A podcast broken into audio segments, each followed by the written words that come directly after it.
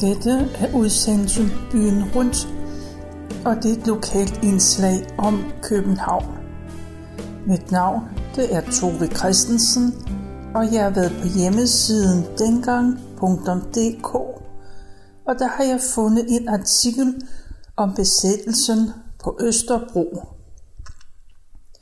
Den giver en gennemgang af sabotager, anholdelser, skyderier med mere imellem danskere og tyskere. Det begyndte med Schalburg-korpset, det kom til Østerbro. Schalburg-korpset, det bestod af danskere, der var i tysk tjeneste under besættelsen. Jeg har udvalgt noget af det, der skete fra 1. april 1944 til 31. juli samme år. Den 1. april 1944, altså året før krigens afslutning, kom 225 Schalborg-folk til hovedbanen fra Ringsted. De kom cirka kl. 12. De marcherede gennem byen, og det kom til spektakler i Bredgade og på Østerbrogade. Civile medløbere slog løs på folk på fortorvet, blandt andet med gummiknibler. Når politiet blandede sig, truede Schalburg-folkene med pistoler og maskingevær. To civile personer blev i ambulance ført til kommunehospitalet. Der blev også affyret skud, og en politimand fik et slag i ansigtet. Uden for kasernen på Blejdomsvej blev en politimand anholdt af Schalburg-folkene. Da der var tilbagemarsch, kom det også til uroligheder. Et par udrykningsvogne fra politiet blev beskudt. Og omkring midnat meddelte station 3, at der var sendt personale til Lille Triangel, hvor der på en sporvognsarbejdsskur var anbragt to tyske plakater, som blandt andet omtalte strejker i Berlin. Det indeholdt også en opfordring til tyske soldater om at nedlægge våbnene. Tyske soldater kom til stede og fjernede plakaterne. En aften et par dage senere blev der anmeldt fra Rigshospitalet, at de blev beskudt. Et geværprojektil var på Frederik den 5. vej trængt ind på en sygestue i afdeling H på første sal. I sygeplejerskeboligen samme sted hørte nogle sygeplejersker projektiler prale af mod muren, og en kugle trængte gennem et vindue ind i et tekøkken, hvor det gik gennem hovedtøjet, det vil sige kappen på en af sygeplejerskerne, som opholdt sig der, men ingen blev ramt og vagtposterne ved bagsiden af den nærliggende kaserne Blejdomsvej 23, der boede Schalborg-korpset. De forklarede, at der var blevet beskudt fra fældeparken. De havde besvaret skydningen med gevær og maskinpistol. Og lidt i 12 blev en kvinde og senere to kvinder og en mand på Østerbrogade forulempet af en tysk soldat. Da de pågældende gik mod station 7, fulgte soldaten efter. Uden for politistationen slog han en tilfældig forbipasserende ned, og personale fra politivagten i Gernersgade de konstaterede, at soldaten var SS Rutenführer Nielsen. Få minutter senere, lidt efter midnat, hørtes over store dele af København cirka fem kraftige detonationer. Det var robådehusene i løsbådehavnen, der blev bombesprængt. 30-40 kvadratmeter af bådehusenes tage. Det var selve promenaden, blev bortsprængt, og alle bådene blev ødelagt. Samme formiddag blev en politimand, der med hund gjorde tjeneste ved Malmøfærgen, anholdt af Gestapo og overført til kaffekompaniets bygning i Frihavnen. Der blev han afhørt. Og det tyske sikkerhedspoliti foretog en undersøgelse i søpolitiets lokaler. Det skete i forbindelse med en undersøgelse af illegale udrejse og sabotage. To politimænd blev overført til Dagmarhus. Og den 26. april. I tidsrummet fra midnat til klokken 1 er flere personer blevet beskudt i kvarteret omkring Østerbrogade. En hollænder blev antastet og generet af en ukendt mand. Da hollænderen gav manden et slag i ansigtet med knytnæve, trak denne to pistoler op af lommen og affyrede en serie skud mod hollænderen. Han flygtede uden blæret.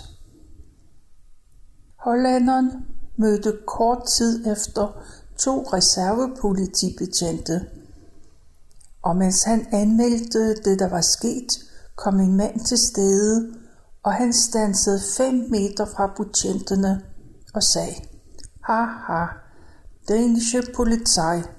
Så gik han et par skridt tilbage og skød to skud. Ingen blev ramt af skuddene, og manden flygtede. Vidner havde set en bil køre i retning af trianglen. En tre-fire huse længere henne stansede den, og to mænd sprang ud og forsvandt i en opgang på højre side af Nordre Frihavnsgade, hvorefter vognen på ny og med stærk fart kørte væk mod trianglen. Endvidere var en repræsentant blevet truet og visiteret mens han låste sig ind i en ejendom i i Rosensgade hvor han boede. En tjener, der kom ud fra ejendommen på Østerbrogade 79, var blevet antastet af en person. Pludselig tog han en pistol ud af lommen og sigtede mod ejeren. Han gik noget skridt væk og affyrede pistolen imod ham og en reservebetjent blev øh, beskudt i fældeparken. Klokken lidt i fire trængte 15-20 sabotører ind på Dansk Oliemøller og Sæbefabrikker, der lå på Lyngbyvej nummer 11, og de jagede personalet ud på gaden, hvorefter der lød tre kraftige detonationer. Der skete stor skade på fabrikkens maskinhus og kedelhus og raffinaderi, ligesom der sprængtes en del ruder i de omkringliggende ejendomme. Og den 27. april, der var Svend Otto Nielsen blevet henrettet i Ryvangen. Man måtte bære ham ud til pælen. Dagen før blev han dømt af Gestapo. John som han blev kaldt, efterlod sig hustruen og en lille datter. Efter en sabotageaktion natten imellem den 6. og 7. december året før, overnattede John og en anden hos sin dame, der hed Hedvig Delbo. Hun boede i Faxegade nummer 13. Hun havde vundet gruppens tillid. Flere gange havde hun fungeret som logivært. Hvad man ikke vidste var, at hun var en effektiv stikker for Gestapo. Hun ville hente mælk til kaffen, men de var blevet mistænksomme, da det tog lang tid, inden hun kom tilbage. Da mændene kom ud, opdagede de flere mistænksomme biler. De steg op på deres cykler og kørte til venstre ad Odensegade mod Østerbrogade. En sort Opel optog forfølgelsen af dem. Det lykkedes for den ene at flygte. Men mod John blev der åbnet ild. Han blev ramt og styrtede til jorden. Han lå tilbage på hjørnet af Rysgade og Østerbrogade. Netop som den første Gestapo-mand træder frem, trak øh, John sin pistol og dræbte ham. Der blev nu skudt på John, og han mistede bevidstheden. På Dagmarhus konstaterede det, at han var blevet ramt syv gange, og en tysk læge konstaterede, at han havde højst to timer tilbage at leve i. Men John døde ikke, og så blev han udsat for tortur. Og det fortsatte de næste mange måneder, og lægehjælp kunne han ikke få. Den første måned måtte han ikke vaske sig eller komme på, toilettet. En medfange, der også var medlem af Holger Danske, Jørgen Kieler, forsøgte at rense hans sår. Til sidst lykkedes det for Gestapo ved hjælp af en cellestikker at få dømt John. Holger Danske folkene var hurtigt nok klar over, at der var Hede Dalbo, der var stikker. I de følgende dage forsøgte man to gange at likvidere fruen. Første gang måtte aktionen aflyses, da en kioskejer blev mistænksom, så aktionen måtte aflyses. Anden gang på vej til Faxegade havde den navnkundige Flammen sagt, godt det ikke er mig, der skal dræbe hende. En norsktalende dame dukkede op. Sabotøren havde bedt om at tale med fru Delbo. Da hun øh, kom i døråbningen, så hun redselslagen direkte ind i en pistolmunding. Og i det samme blev der skudt. Det lød et skrig fra fru Dalby. Hun var ramt. Men da der skulle skydes anden gang, klikkede pistolen. Men fru Dalby var kun ramt af et skud i skulderen, og Holger danske folkene fik at vide, at hun var flygtet hjem til Norge.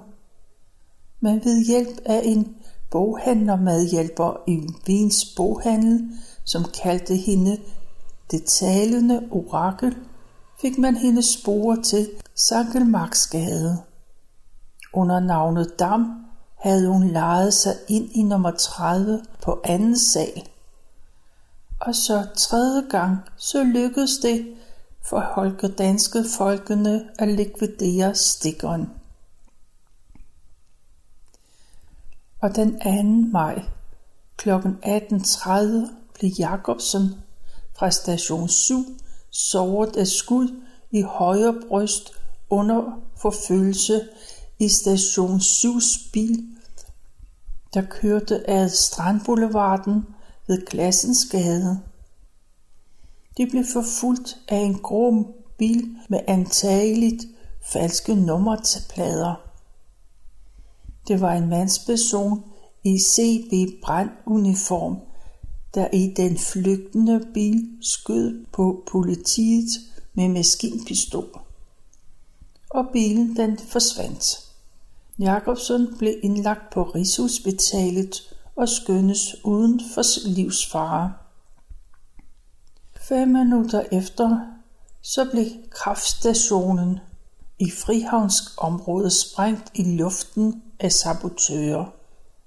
Der skete stor skade på bygninger og maskiner. Sabotørerne, hvoraf den ene var iført tysk officeruniform, kørte ind i Frihavnen i en grå personbil og forlod området lige før eksplosionerne. Og få minutter senere igen, så kom en grå personbil uden nummerpalader.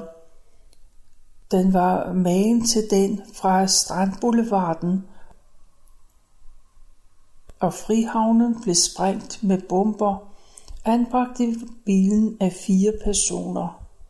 En politibetjent blev tilbageholdt under sprængningen. Og så den 8. maj. Cirka kl. 23 blev en vagtpost i Riffelsyndakiet i Frihavnen holdt op af to personer, der arbejdede på fabrikken. De fratog vagtposten en maskinpistol, som de kastede over indhegningen, kastede den ud til en tredje person, der holdt sig uden for indhegningen. Derefter forsvandt alle tre. Sabotagevagterne satte efter og affyrede endnu en del skud. Derved blev en kvinde, der opholdt sig på Nordhavn station, ramt i den ene hånd af en kugle. Man formodede, at de flygtende personer var flygtet ind i Herningsgade nummer Tysk politi blev tilkaldt, og ejendommen blev afspærret og undersøgt. Tyskerne anholdt en mand og transporterede ham bort. Og den 6. juni om eftermiddagen blev læge Ove Grut arresteret på sin arbejdsplads på Hygienisk Institut ved Rigshospitalet. Lægen havde siden 1941 været tilknyttet modstandsbevægelsen. Han var af tyskerne anklaget for at have udlånt sin lægebil til illegale formål. I over en uge blev han afhørt. Men da han ikke røbede noget, blev der talet om skærpet forhør. To Gestapo-folk og den berygtede Birkedal tæskede løst på lægen. Birkedal han havde en ståltrådsvejre omviklet med gummi. Under mishandlingen besvimede Grut flere gange. Birkedal tvang ham til at holde sig vågen med snaps og med te. Grut havde fået indre blødninger og blod i urinen. Og der blev nægtet ham lægehjælp. Heldigvis havde Grut gode forbindelser, og det reddede nok livet for ham.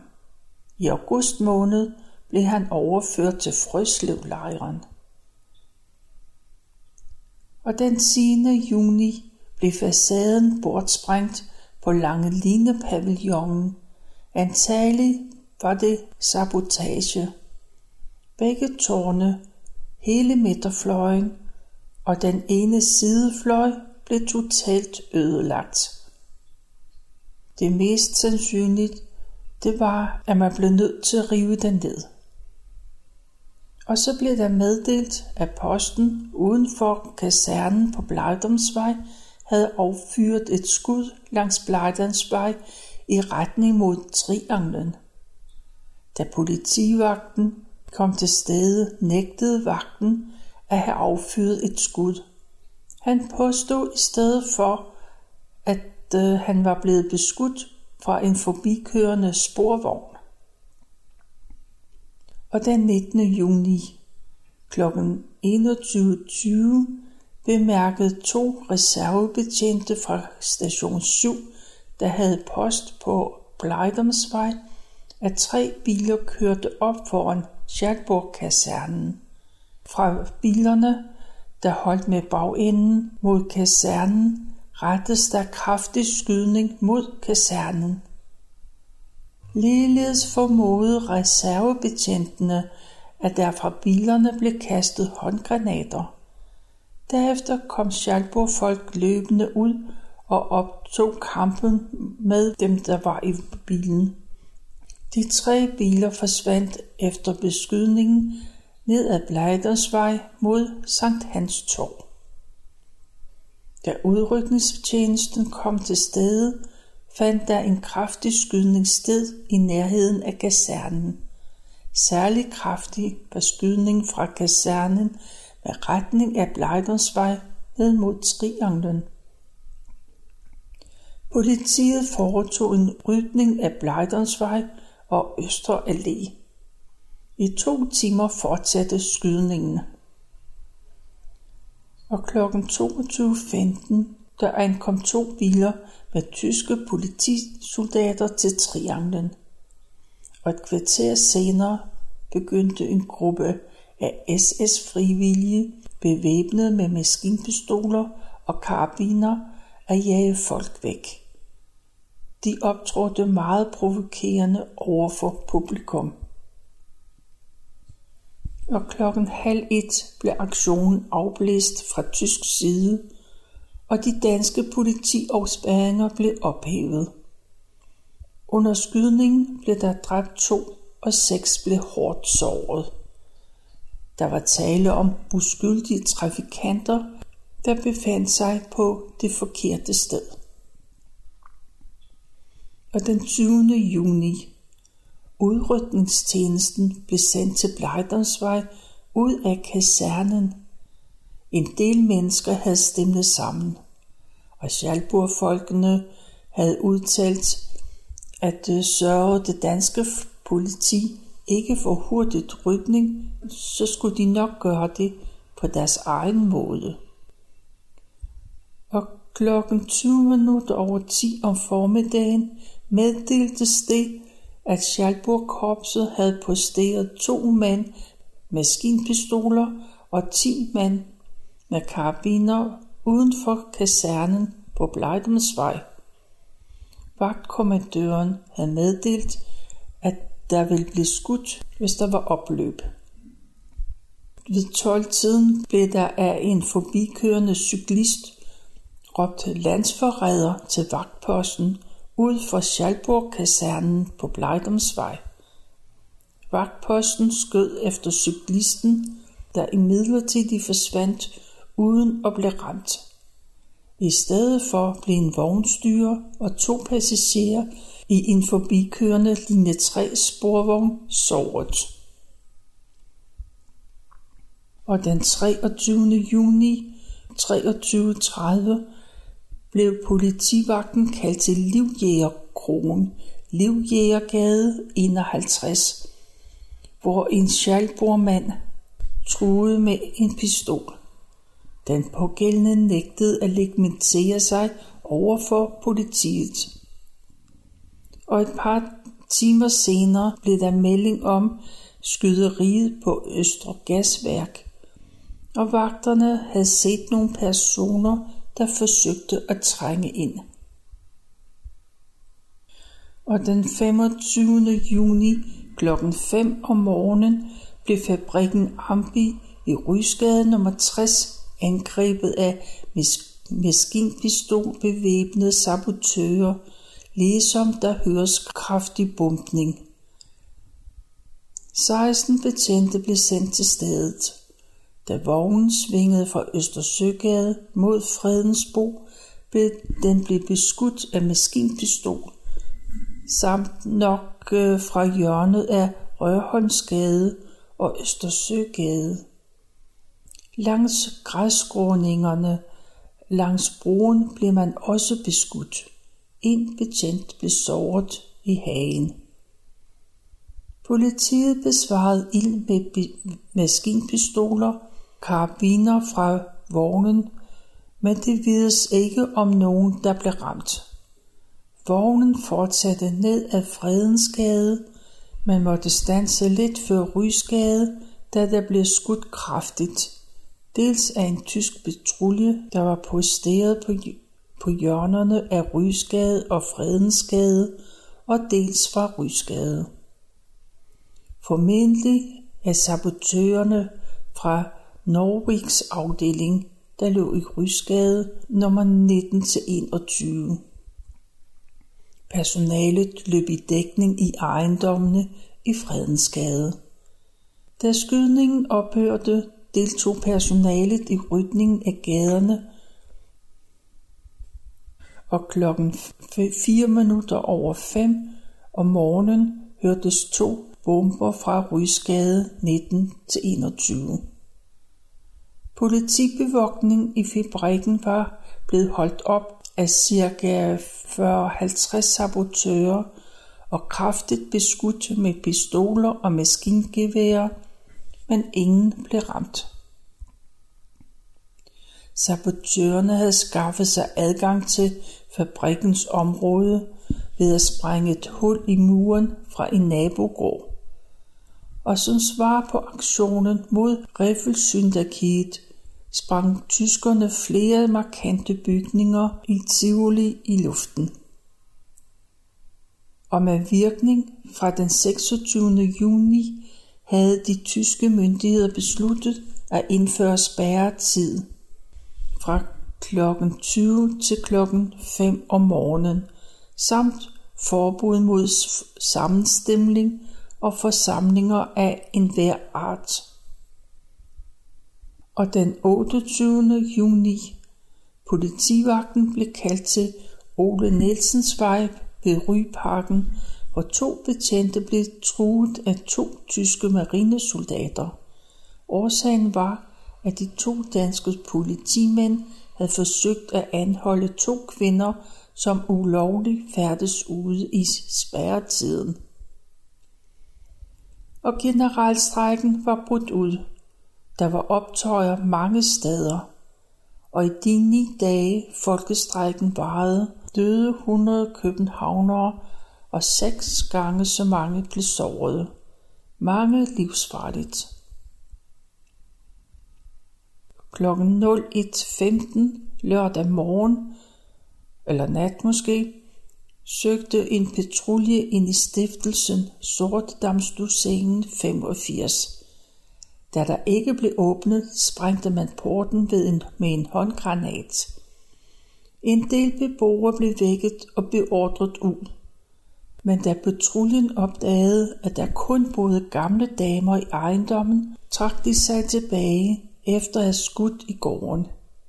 I stedet for kommanderede man folk ud fra ejendommene overfor i Rysgade og tvang dem til at bryde barrikaderne.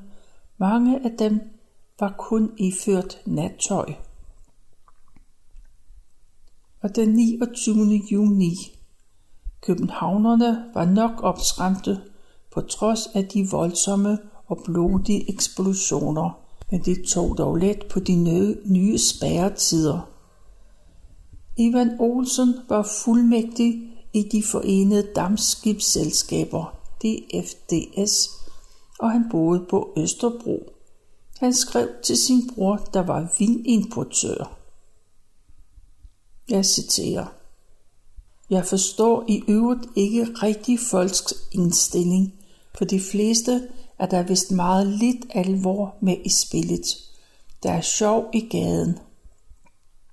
Vi fagorganiserede arbejdere, vi skal selv bestemme, når vi vil gå fra kolonihaven, og hvor tidligt vi skal gå hjem fra bakken. Hvad rager det os, at sådan nogle tossede soldater vil lege krig og skyde i gaderne? Vi går, for det passer os selv. Det gælder vel alle, men folk er mærkværdigt overfladiske og, og letsindige. Man ser en halv eller en hel time efter spærretid gamle mennesker komme chokkende, ganske uanfægtet ned ad gaden, mens der skydes rundt omkring. Og klokken ni i aftes så jeg en mor med to små børn komme langsomt og sindigt fra fældeparken tværs over trekanten og jagtvej. Og hvis jeg ikke begriber det, må så ikke tyskerne er paffer. Citat slut. Og den 29. juli kl. 19.20 trængte tre pistolbevæbnede mænd ind på stads ingeniørens kontor i Ravnhildsgade, hvor en chauffør samt et par ansatte, der opholdt sig på kontoret, blev holdt op. De pistolbevæbnede låste personalet inde på kontoret. Efter at have revet telefonledningen over, hængte de en bombe på døren med bemærkningen, at de ville springe, hvis døren gik op. De fjernede derefter en lastbil fra pladsen. Kort efter ringede de til station 8, at nu måtte de godt befri de indespærrede. Bomben viste sig at være en atrap af papir. Og det her, det er, hvad jeg har kunnet nå at læse om nogle uger fra besættelsestiden på Østerbro. Du kan læse det hele og meget mere på hjemmesiden dengang.dk.